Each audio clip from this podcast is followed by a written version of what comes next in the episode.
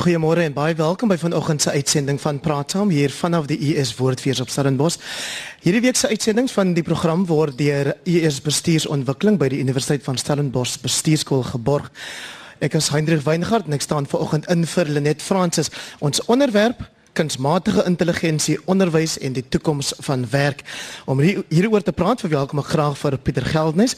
Hy is 'n internasionaal gerekende toekomskundige en sy dagtaak is hy dat hy die direkteur is van die Instituut vir Innovasie en Tegnologie Strategie by die Noordwes Universiteit se Besigheidsskool. Goeiemôre Pieter. Goeiemôre.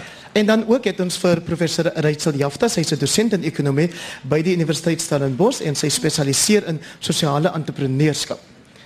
Goeiemôre Hendrik, dankie vir die geleentheid. Môre professor. Nou ek gaan maar sommer Rachel sê as dit nie 'n probleem is vir jou nie en Pieter hier na die linkerkant toe.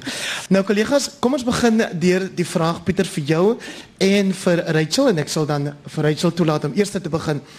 Wat is hierdie verskynsel wat kunsmatige intelligensie genoem word of in Engels beter bekend as artificial intelligence? As dit so eenvoudig soos in die masjiene en die robotte gaan oorneem wat ons ook al vandag doen.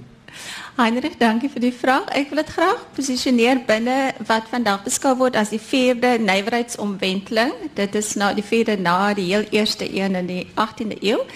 Ehm um, dit verskil van die vorige omwentelings wat ons reeds gehad het in die sin dat die spoed waarteen tegnologie verander deesdae soveel vinniger is en die naboots van hierdie tegnologie ook baie vinniger gebeur, ook die omvang daarvan en die ehm um, die manier waarop dit mense met mekaar verbind reg oor lande wat voorheen uitgesluit was by hierdie nywerheidsomwentelinge. En daarbinne dan kunsmatige intelligensie wat die skrywer Kevin Kelly vergelyk met die tyd toe elektrisiteit beskikbaar gekom het en ons elektrisiteit by dinge wat voorheen met die hand gebruik moes word kon voeg en 'n hele lot nuwe nywerhede kon vestig. So as 'n mens dink daaraan jy neem X en sit kunsmatige intelligensie by en dan het jy 'n hele nuwe maatskappy of 'n hele nuwe saakmodel.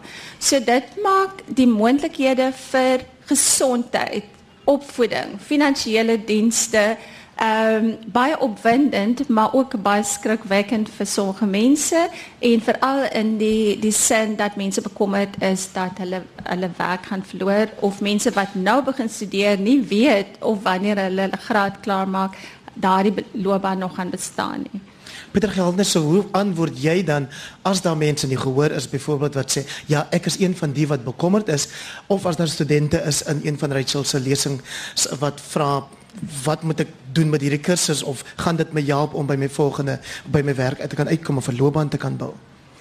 Ek dink die belangrike ding om te besef is dat kunsmatige intelligensie verstaan moet word in die konteks wat dit kan doen en wat dit nie kan doen nie. Kunsmatige intelligensie is al met ons vir die laaste 30 jaar, die wiskunde staamlik eenvoudige tweede jaartjie behoort te verstaan. Wat wel die impak in die laaste paar jaar gekry het, is dat ons toegang tot ongelooflike databronne gekry het. Ehm um, ons praat van graphs as jy gaan kyk na Facebook, ehm um, hulle praat van die social of die of die open graph, ehm uh, Google praat van die knowledge graph, LinkedIn praat van die economic graph.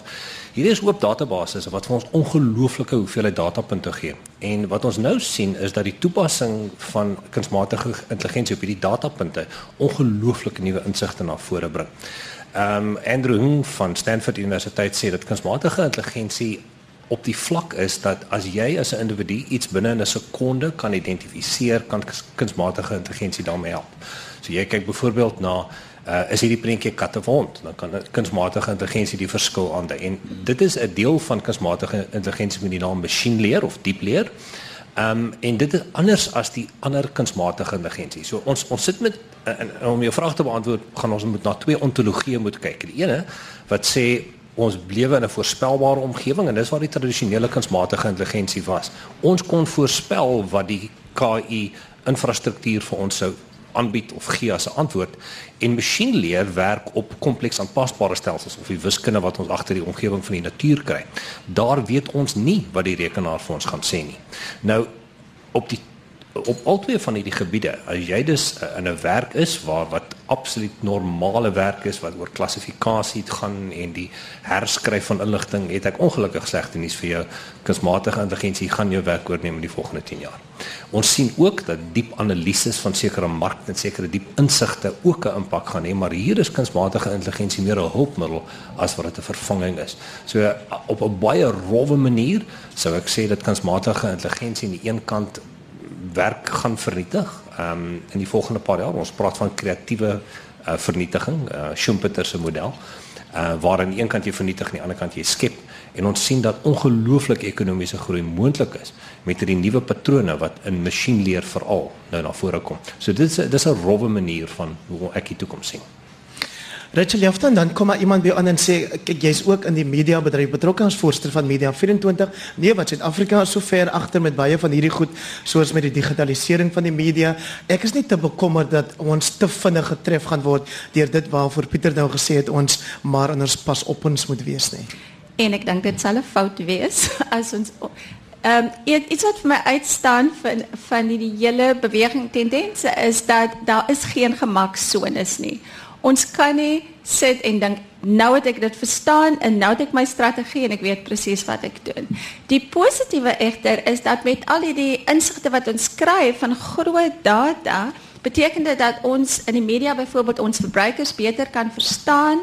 Um, ons kan tendense in hulle vraagpatrone sien en ons kan dit baie beter verpersoonlik as wat voorheen nodig was.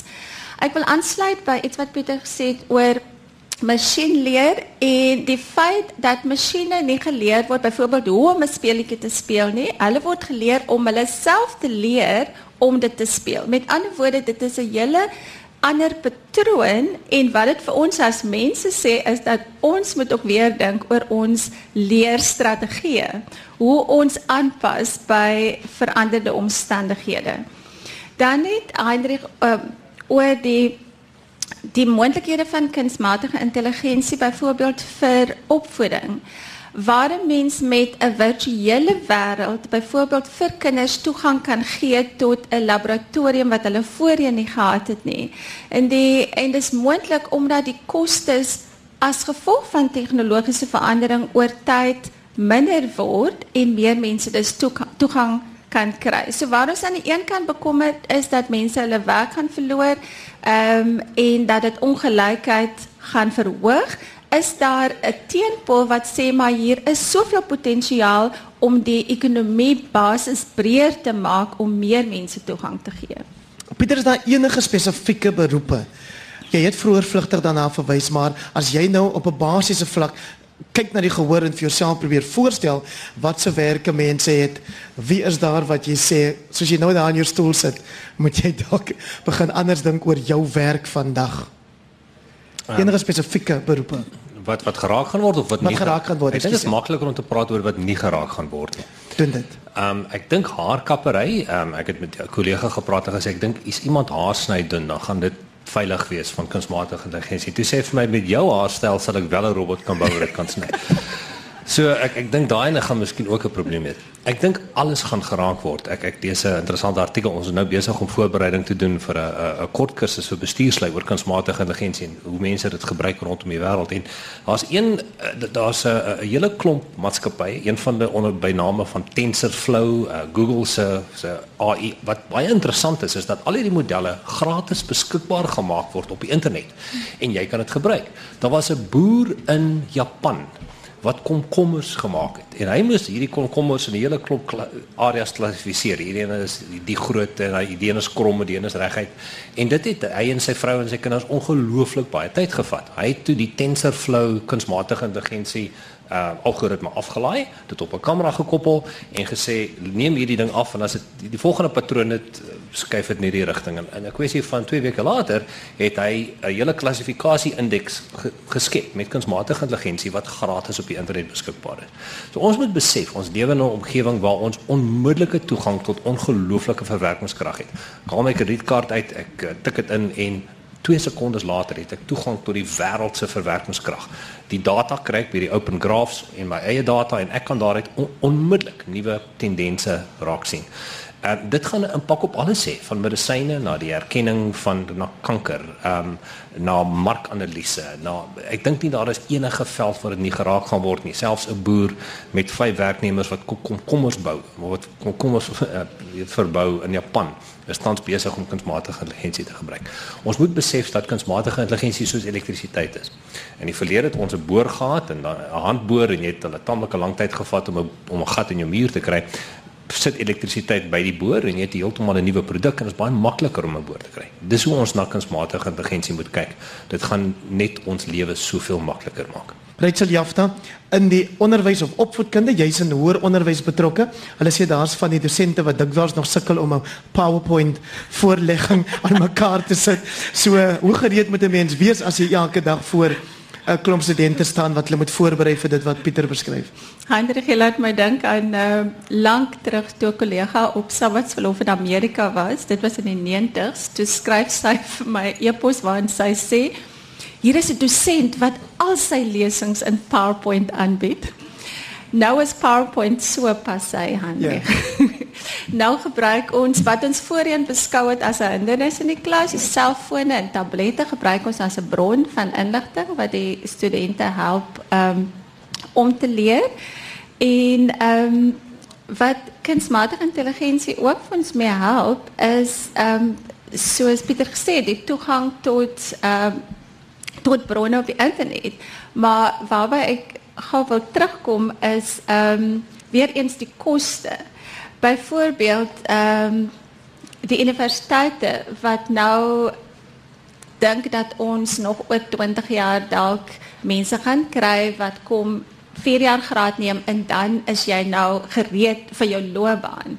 Hierdie idee dink ek is iets van die verlede, maar om jouself altyd op te skerp om nuwe dinge aan te leer is soveel goedkoper en in baie uh, gevalle is dit heeltemal gratis dat jy dit aanlyn kan doen. En dit beteken dat hoër onderwys anders moet dink oor wat is ons vergelykende voordeel? Wat het ons te bied? um, om studente te trek na byvoorbeeld residensiële universiteite en ek dink daar is baie wat ons te bied het, maar ons moet dit so verpak dat um, ons die voordele van kunsmatige intelligensie inkorporeer en ons studente ons gradiante voorberei om in 'n vinnig veranderende wêreld te kan funksioneer. Martie van Pretoria praat gerus met ons. Goeiemôre. Um, Ek dink die elke persoon op die straat se ehm um, bekommernis oor kunsmatige intelligensie is dat dit die mens intelligensie op 'n stadium verbygaan. Ek hoor baie keer as hulle oor hierdie goed praat en skryf, hulle praat van die Engelse term singularity. Kan die paneel dalk vir ons meer daarom vertel? Paneel, baie dankie Martie. Ek dink die singulariteit, ek is ek is in, in Engels sê hulle in two minds oor die ene want ons verstaan tans nog nie hoe die brein werk nie. Ons het die vermoë om ongelooflike koneksies te maak en insigte te hê wat 'n lineêre rekenaar nie het nie. Maar aan die ander kant sien ons dat masjien leer dieselfde patrone nou begin aandui uh selfs met kreatiwiteit. Hier is baie interessante uh deeltjie uit ek dink die iRobot reeks uit. Um wat en hy sê uh die persoon vra die robot, "Maar kan jy 'n simfonie skryf?" En die robot sê van, "Nee, maar kan jy?" En wat nou baie interessant is, is dat masjienleer kan nou wel simfonieë begin skryf. Ek het gister, ek weet niks van musiek nie en ek is heeltemal toondoof as dit die regte terminologie is. En een van die programme ehm um, is uh, op die internet uh, is uh, Juke Deck en wat hy gedoen het en jy kan dan 'n liedjie skep, 'n unieke liedjie in 'n kwessie van 10 sekondes. Jy sê dit moet rock wees, dit moet angry rock wees, uh dit moet 1 en 'n half minuut lank wees en dit moet 'n uh, crescendo hê so half minuut in. En ek het dit toe gister in 3 sekondes geskep. So ons begin in 'n omgewing inbeweeg waar die skepende proses ook deur rekenaars in 'n mate geskep word. Gaan intelligensie ehm um, menslike intelligensie verbyneem? Ek dink ons moet eerder sien dat uh, dit 'n ander tipe intelligensie is. Ehm um, en dat ons as uh, individue totaal en al baie meer innoverende idees het as wat ehm um, jy in 'n rekenaaromgewing sal kan kry. Die rekenaar sal byvoorbeeld nooit die die skoonheid van wat hy geskep het waardeer nie. Ehm um, maar hoe die volgende 20 na 30 jaar lyk, ons gaan in 'n era van ongelooflike radikale groei in en ek het al agtergekom enige voorspelling wat ek buite 5 jaar maak moet ek liewer oor stil bly. Ehm um, dit gaan 'n impak op werk hê. Ons moet dit besef, maar ons moet ook sien dat 'n ongelooflike nuwe tydperk van ekonomiese groei voorlê. Accenture verwag dat die ekonomiese groei wêreldwyd uh, met met lande wat kunsmatige intelligensie implementeer amper kan verdubbel teen 2035. So aan die een kant dink ek ons moet doen wat ons altyd doen. Ons as mense pas aan by 'n nuwe omgewing en dis eintlik wat van ons verwag word. Rachel Jafta, jy wil op Martie se vraag antwoord. Ja, ehm um, ek wil net sê die die prentjies is so homogeen hè want die lande oor die wêreld verskil. Daar is byvoorbeeld lande met baie ouer bevolking soos Japan wat alreeds baie lank uh, robotte gebruik selfs vir geselskap. Ehm um, waar ehm um, ouer mense in ek weet nie of hulle ouer huis het nie, maar hulle het byvoorbeeld waar ons 'n troeteldiertjie het wat wat regtig blaf het, hulle 'n troeteldiertjie robot. Ehm um, aan die ander kant dink ek om aan te sluit by die skepende vernietiging is daar soveel moontlikhede byvoorbeeld ons kan nie voorbly met ontwikkelaars en ingenieurs lewer om hierdie tegnologiese uh, vooruitgang aan die gang te hou nie. So daar voorsien ek nie dat die vraag na ontwikkelaars binnekort ehm um, aan voldoen sal word nie. So groot groei geleentheid en dan verder waar menslike interaksie nodig is. Een van die interessantste ehm wat hulle sê in 2050 nog gaan bestaan is byvoorbeeld die van 'n mondhygiënis. Ehm En ek weet nie van een nie, maar ek is nie so heeltemal bereid om 'n robot aan my mond te laat werk nie. Ehm um, so die punt is nie dat dat soos die mense van die 18de eeu moes aanpas by veranderende omstandighede, sal ons dit ook moet doen en dit is 'n balans wat ons moet vind. Terwyl Jody dan so intoe stap, as daar enigiemand anders is, gee solank vir ons 'n aanduiding, dan kan ons vir Jody so intoe met die mikrofoon. Kan ek asseblief versoek dat ons dit kort hou? Ja, goedemorgen. Um, die, uh, mijn standpunt is, um, omdat ons nou natuurlijk een land is wat sukkel om um, die Gini-coefficient co um, te vernauwen. Um, lijkt het, ik bedoel, uh, alle, alle aanduidings is dat hierdie nieuwe technologie wat op zo'n verschrikkelijke fast pace ontwikkelt, maar dan net hierdie gaping tussen die dit die mense die die duisende heeft ons maar dan net groter gaan maak en en wil graag weet wat u daaroor dink. Sal ons dan eers daai vraag uh hanteer Jody of wil jy nou nog iemand toe gaan? Die paneel moet dit asseblief uh onthou wat gevra is.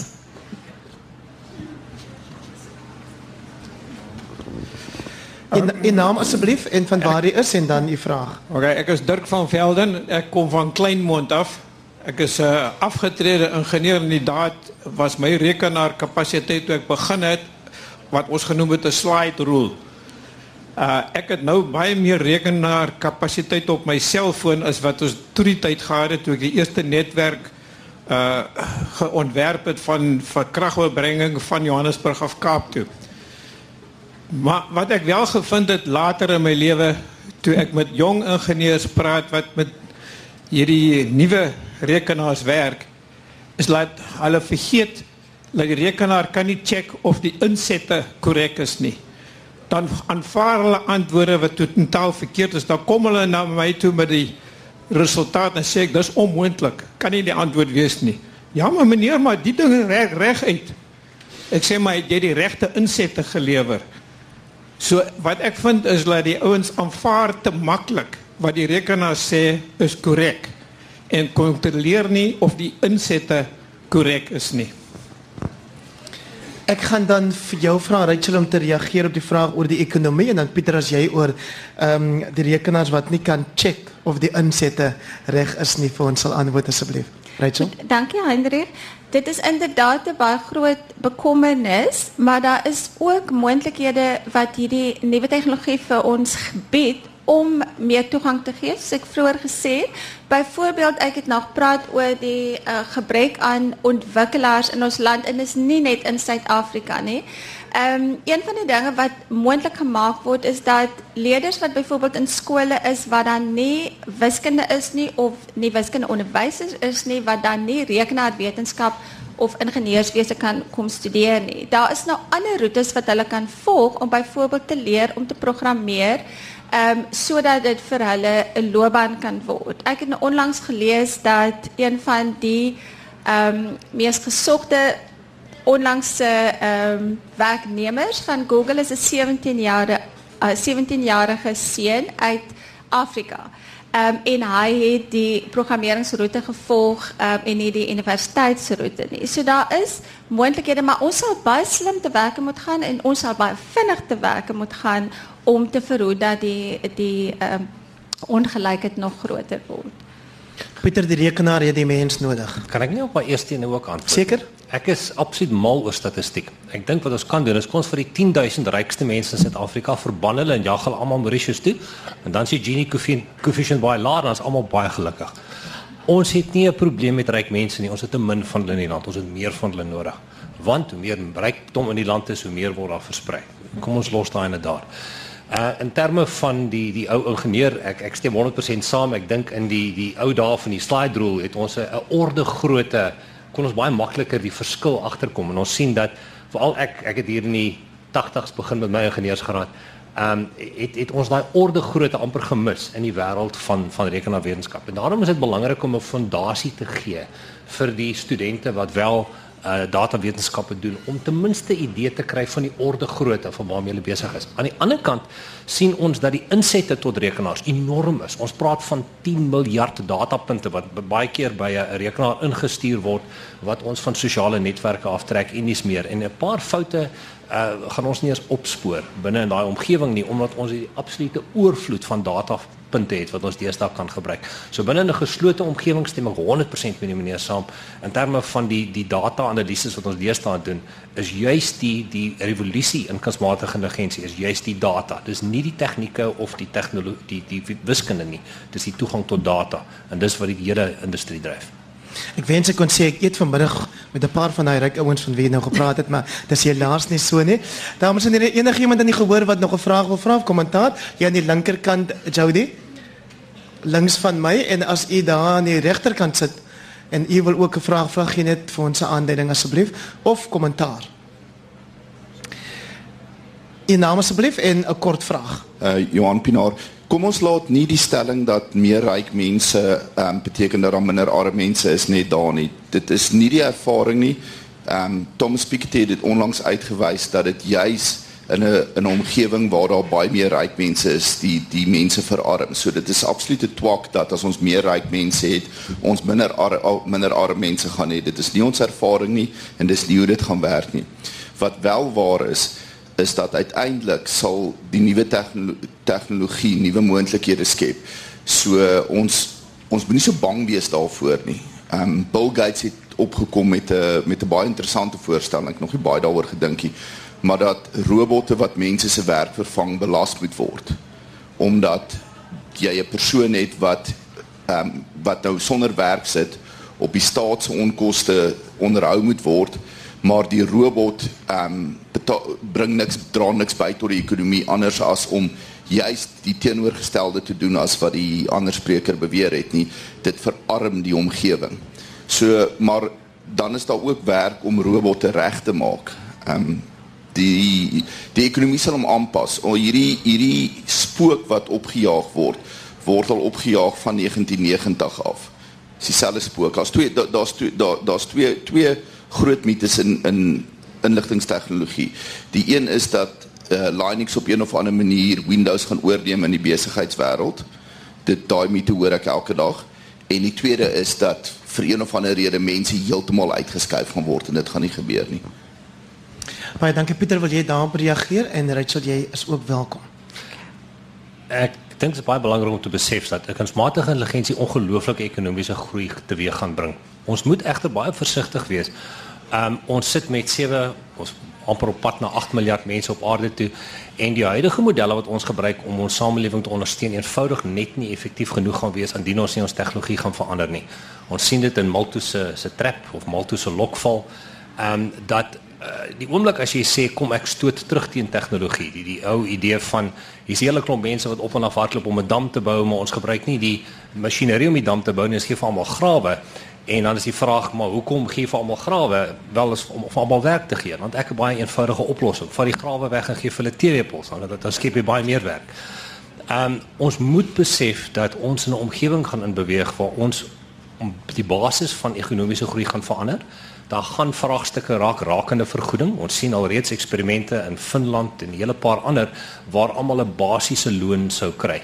Dit werk ongelukkig net in lande wat ryk genoeg is. So jy kan nie 'n basiese loon aan almal gee nie want iemand moet die belasting betaal om hierdie basiese loon te gee. En dit gaan een van die oplossings wees veral in ryk industriële lande waar daar 'n uh, rykdom is en rykdom geskep gaan word deur tegnologie en dan sê mense heel regverdig, maar ek het nou 'n robot of 'n rekenaar wat die ekonomiese waarde skep. Ons as burgers wil daar 'n beter lewe hê, so hoekom kan ons nie 'n salaris daaruit kry nie? Dit gaan net gebeur in lande wat ryk genoeg is. So ons kan daai debat regtig verder vat, maar ek dink nie ons het nou die tyd daarvoor of die fokus van hierdie gesprek nie. Kom ons gee die ekonom ook 'n geleentheid dan om te antwoord. Goed, meneer Pina, die belastingkwessie is iets wat my op robots is, iets wat my interesseer. Die en het die vinger geplaas op die geldige argument as persoonlike inkomstebelasting dan wegval omdat die robotte die ehm um, die werk oorneem, dan klink dit logies. Ehm um, ek wil egter verder praat oor die volhoubaarheid van as mens in Suid-Afrika 17 miljoen mense het op staatstoela in vergelyking met ongeveer 15 miljoen mense wat ehm um, in diens geneem is en ons het hierdie naweek syfers gesien wat net twee provinsies in Suid-Afrika waar daar mense is, meer mense is wat werk as wat daar mense is wat op staatstoela is. Ehm um, die syfers, gesonde verstand sê vir my dit maak nie sin nie. So ehm um, wat my opgewonde maak oor hierdie tegnologiese verandering en die moontlikhede wat dit bied is juis dat mense wat voorheen uitgesluit is, deel kan word van die ekonomie en op 'n ander manier 'n le hulle lewensstandaard verhoog as om te wag vir 'n staatstoelaat. Ehm um, En dit hoe presies dit gaan gebeur, weet ek nog nie, maar ek dink dit is iets waaraan beleidsmakers moet aandag gee. Ons het iemand aan die gehoor wat 'n vraag of 'n stukkie kommentaar het. My naam is Santi Alberts. Uh, ek gee nie so om vir ryk of arme mense nie, want hulle sal altyd daar wees. Ek wil graag weet van gelukkige mense. So vir my kleinkinders om eendag gelukkig te wees, wat moet hulle gaan swat? Julle twee kan besluit wie eers wil antwoord. wil wil jy ons by die vraag antwoord via die die tema van die gesprek? Um, ek het vir my familie uh, die 23andMe DNA uh analise gedoen. Ek het oor epigenetika so 'n bietjie geluister vroeg vanoggend. So hier is nie 'n pertinente antwoord nie, maar as hulle sê dat uh, genetika direk gekoppel kan word aan uh, persoonlikheid, miskien doen so toets en kyk wat is die uh, aanbevelings wat uh, watter die areas is waar u kind um, meer geneties sal wees of nie. Ek ek ek spot aan die een kant, maar dis wat kunsmatige intelligensie doen. Dit gee vir ons baie meer kennis nie net oor die omgewing rondom ons nie, maar ook onsself. Ja, en ek het byvoorbeeld gesien wat uh wat my dogter se DNA beteken en, en wat sy in staat toe is en waartoe sy genee is. En ek het haar dieet aangepas en ek weet watter aktiwiteite sy meer sal volhou as ander. So uh, een van die antwoorde is kry meer kundigheid oor wat jou kinders werklik van nou uit 'n wetenskaplike sowel as emosionele of of uh, vertroulikheidstandpunt in en help hulle om hulle eie geluk te vind. Ek ek, ek dink nie ek kan meer as dit sê nie ongelukkig was my sielkundige daar was geen van hulle ingenieurswese nie. So ongelukkig kan ek nie in te veel diepte op daai antwoord nie. Jammer daaroor. Pieter laat my nou dink dat een van die loopbane van die toekoms is genetiese berading.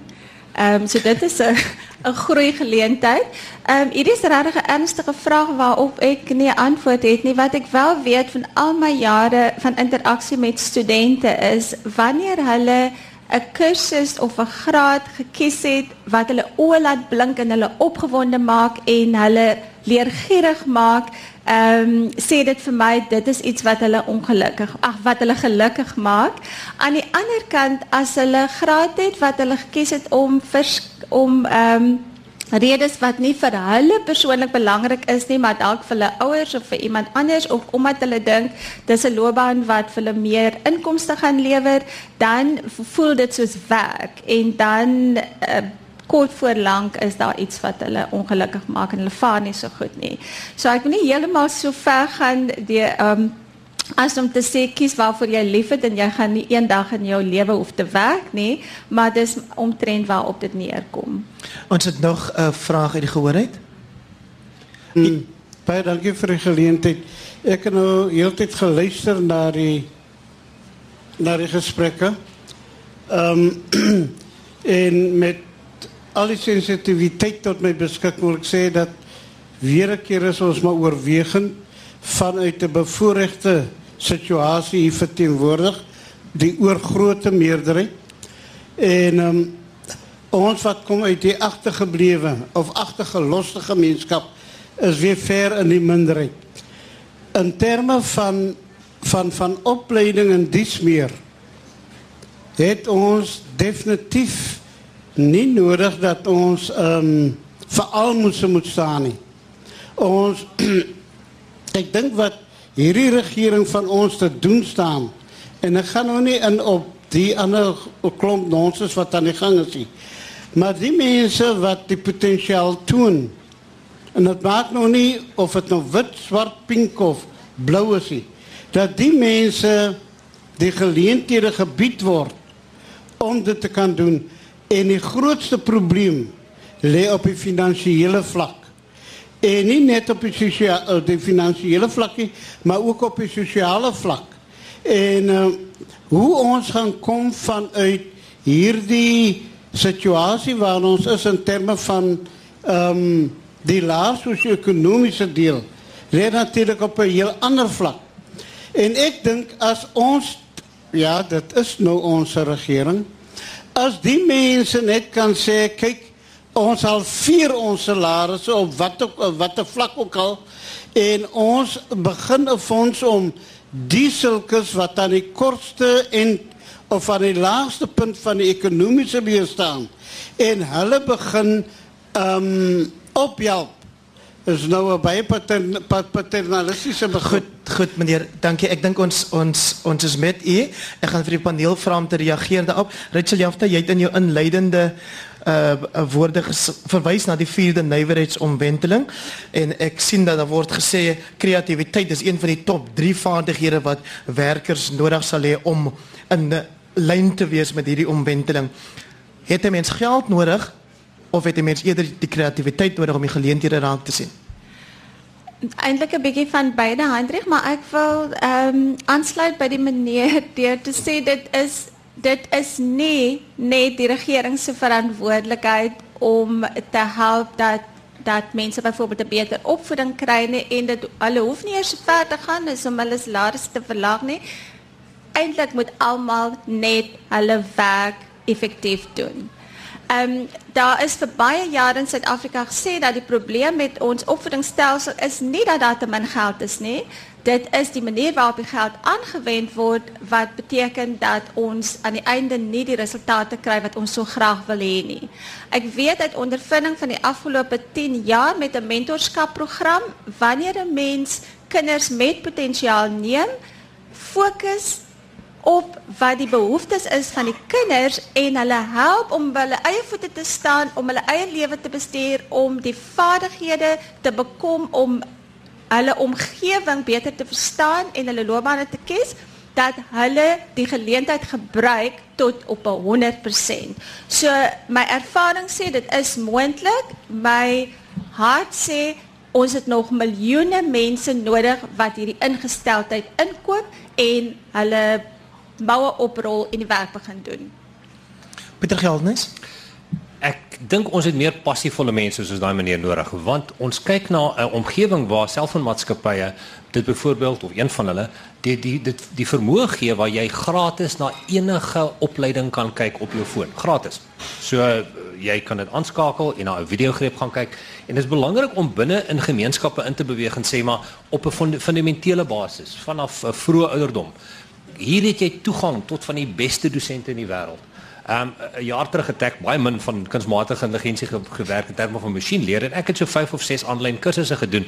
Um dit het my nie baie gekos aan data nie en ek het my 'n taamlike hoë vlak van kundigheid daaroor gekry. Dieselfde kan gesê word vir enige ander persoon in Suid-Afrika wat die vermoë het om te verstaan waaroor dit gaan. Ehm um, en uh, as jy die basiese fondamente lê, selfs op skoolvlak, gee tegnologie 'n ongelooflike voordeel aan ons. Ons het egter daai passievolle mense nodig om in daai gemeenskappe in te gaan en vir die skool te sê hier is 'n ondersteuningsgroep wat julle kan help om julle op te lei. Ek dink dis die belangrike ding. Ons moet na onsself kyk en sê wat kan ons doen om Suid-Afrika hierdie ongelooflike land te maak wat dit kan wees in plaas daarvan om ons vinger en en ons met alle reg, ons kan nou die regering kritiseer, maar ek dink die eerste stap begin by ons. Want as ons niks doen nie, het ons nie reg om enigiets anders te blameer nie. Ons het vir Konrad van die Vrystaat op die lyn. Konrad, goeiemôre. Goeiemôre julle. Ehm um, jong, julle sal nou weet daar daar in die paneel en so ek is nou in die finansiële adviesbedryf en ons het ook maar al die dinge wat wat op pad is in terme van robo robo advies soos hulle dit noem ensovoorts.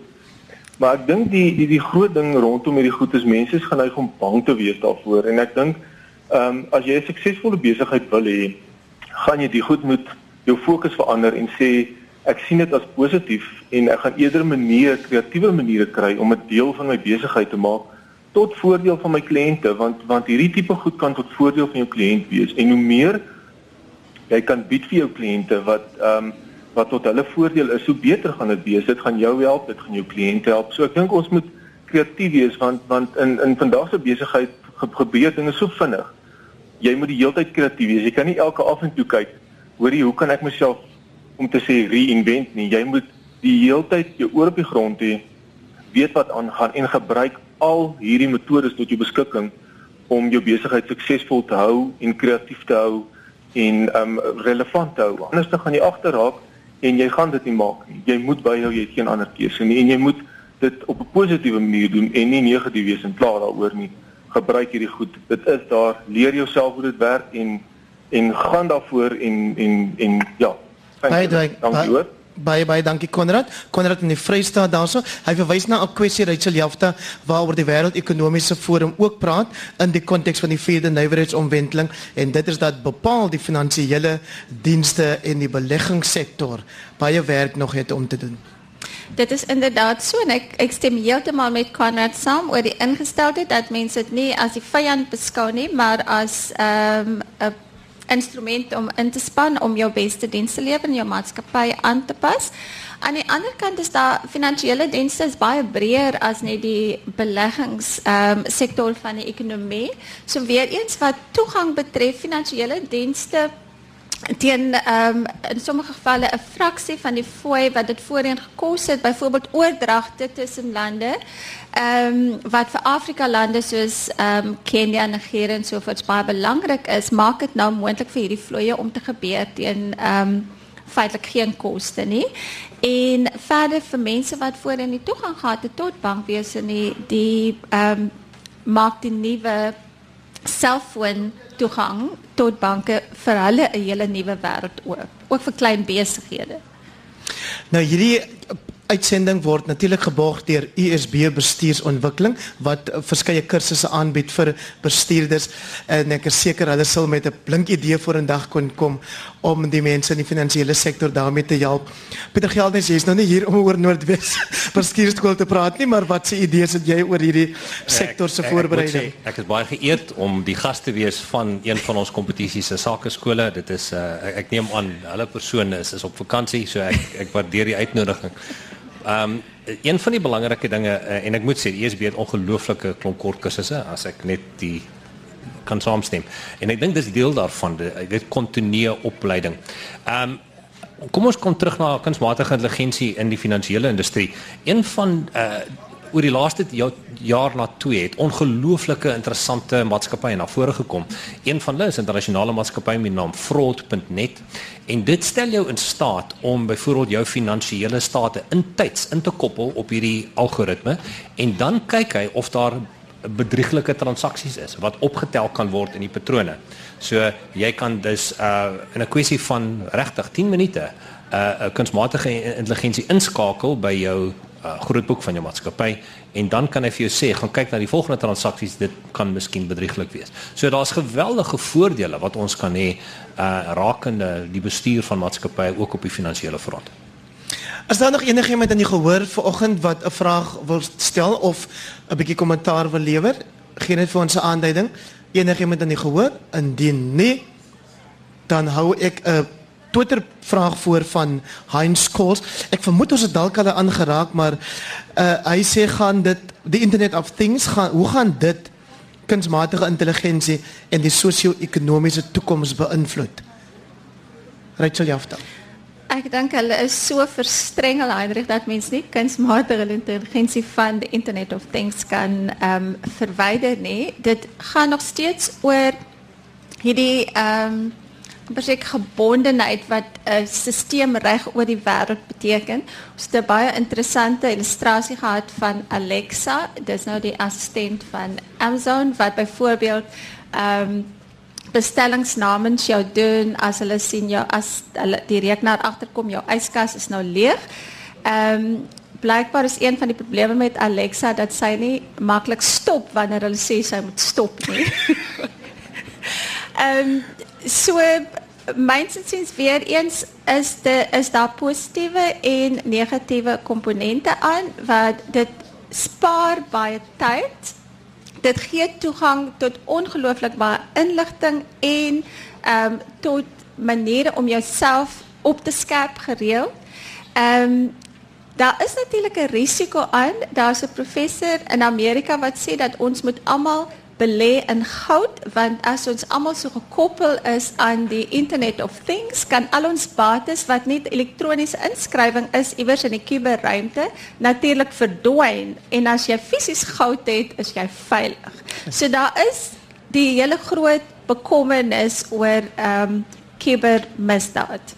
Ons het tog nog 'n laaste vraag uit die gehoor.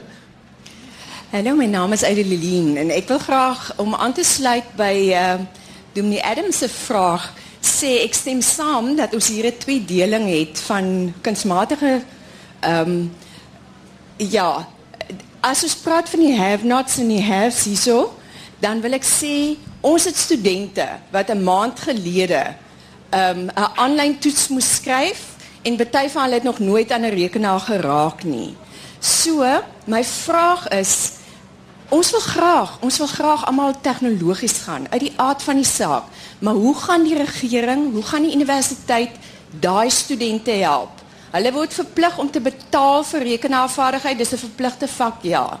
Maar hulle kry nie gratis data nie. Hulle moet ernstig betaal vir elke stukkie ding wat hulle op hulle fone aflaai. Dankie. Pieter. Ehm um, skep 'n ek dink julle het 'n goeie Wi-Fi netwerk wat hier geskep kan word. Ehm um, ek dink praat met 'n paar van die selfoonmaatskappye. Ehm um, die nog volgende generasie 5G tegnologie sal data absoluut in oorvloed wees. Ek dink om iemand uh, toegang te vra tot data in daai omgewing, ehm um, ek stem glad nie daarmee saam nie. Ehm um, so kyk na 'n belegging in 'n goeie kommunikasie-infrastruktuur op kampus en uh, maak dit deel van ehm um, studente se inskrywingsfooi. Ehm um, ek kan glad nie sien dat dat ons regtig nog iemand moet geld vra vir toegang tot data nie. Ek is jammer, dis my eie standpunt. Ek lees op die webwerf Business Insider. Daar staan geskryf teen 2050 sal kunsmatige intelligensie in staat wees om enige intellektuele taak wat mense tans ehm um, uitvoer oor te neem. Wat is julle reaksie daarop? Pieter eerste. As ons na die hoeveelheid uh uh, verwerkingskrag kyk wat daar tans bestaan, dan sien ons dat 'n geweldige klomp funksies alreeds daar is. Ehm um, dat die kompleksiteit van 'n uh, menslike brein gekopieer kan word op 'n masjien. Ja, dis daar, maar maar aan die een kant is daai element van innovasie en uh, patroonherkenning wat uniek menslik is. Ons het uh, wat ek ver oggend gehad het vir ontbyt, gaan 'n direkte impak op my op my gedagtepatroon hê. Uh, dit het 'n impak op die chemikalieë wat in my brein afgeskei word. Daardeur sê ek nie dat my besluite rasioneel is nie. Ek ek ek dink net nie die menslike brein is 'n baie goeie koppelvlak om 'n baie deterministiese omgewing te koppel aan 'n omgewing wat uh, heeltemal in, in in sekere gevalle baie kompleks is nie of of jammer uh, kompleks aanpasbaar is nie. Ehm um, gaan dit gaan dit uh, uh, ongelooflike insigte vir ons gee oor die wêreld waarin ons lewe en om koppele koppelinge te maak tussen datastelle wat nooit van tevore aan gedink is nie. Ja. Ehm um, dis daar. Die die idee dat uh, 40% van alle finansiële artikels word tans deur rekenaars geskryf. Ehm um, tans word die uh die Engelse trailer van 'n uh, rolprent word deur rekenaars geskep want ons kyk na vorige patrone van erkenning. Ehm um, ons gaan egter en en soos on die ou ex-Suid-Afrikaner Elon Musk sê ons as mense gaan miskien moet aanpas. Ons gaan miskien cyborgs moet word. Ons gaan in 'n mate met tegnologie moet begin integreer. En in 'n groot mate doen ons al reeds. Ek sê vir my foon, kry vir my 'n kar, ek wil graag na die lughawe toe gaan. Ons begin al reeds integreer met tegnologie. Ek dink die gesprek gaan anders wees. Ek dink die vraag gaan wees in hoe mate gaan ons as mens aanpas. Uh ek dink nie ons as mens gaan dieselfde bly nie. En ek dink dis waar ek my standpunt sal laat daar. Rachel, ja, kan ek jou 'n ander vraag vra? Ehm um, want hier is ook 'n luisteraar wat praat oor die bevolkingsgrootte van die wêreld en die land. So die luisteraar sê daar's mens ons raak net meer en die werk raak skynbaar nou minder. So wat sou jy sê vir so iemand?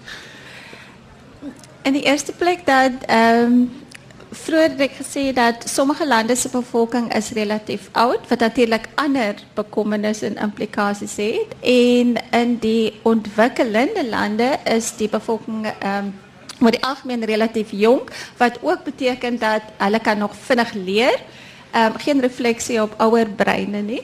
Um, en dat hulle uh, hopelik makliker sal aanpas by hierdie tegnologiese verandering en die voordeel daarvan kan benut. Kan ek net een kommentaar maak ja. oor die oor die 2050 kunsmatige intelligensie oorname? Ehm um, die oud ingenieur van Kleinmond, dink ek het sy vinger daarop gesit toe hy gesê het ehm um, dat die insig of die menslike oordeel dikwels kort kom as ons net met modelle werk. En ek dink dit is een van die groot onderskeidende faktore is dat ons die konteks van goed verstaan en dat ons oordeel aan die dag kan lê en die insig so ehm um, dan gebruik om 'n beter samelewing, beter ekonomie te skep. Ons het vir elkeen 15 sekondes om 'n laaste gedagte met ons te deel. Moet ons bang wees of moet ons dapper wees? Wees dapper, wees innoverend want dit is die basiese konstruk van samelewings wat welvaart het. Singapore, al die ander ander ander lande word gedefinieer deur hoeveelheid innovasie. Ons hoef nie bang te wees nie, ons moet meer innoverend wees. Om jou kunsmatige intelligensie Rachel Jafta? Ek gaan dit so waar waag om 'n sport uh, metafoor te gebruik. Hierdie is nou die speelveld wat almekaar verander. So dit gaan nie help ons stamp ons voet in 'n squat om die speelveld verander nie. Ons gaan moet aanpas en die veld speel soos ons hom kry. Dankie aan my paneel, die ekonom professor Rachel Jafta wat julle nou laastens gehoor het en die toekomskundige Pieter Geldenhuys. Dankie ook aan almal by die huis en hier in die gehoor wat saam geluister en saam gepraat het. Jody Hendriks is die vervaardiger van hierdie program en die tegniese bystanders vanoggend verskaf deur Ricardo Makati en Albert Klasen. Onthou praat saam ons môre oggend dieselfde tyd terug hier vanaf die Woordfees vanaf hierdie verhoog. Van my Hendrik Weingart, alles van die beste.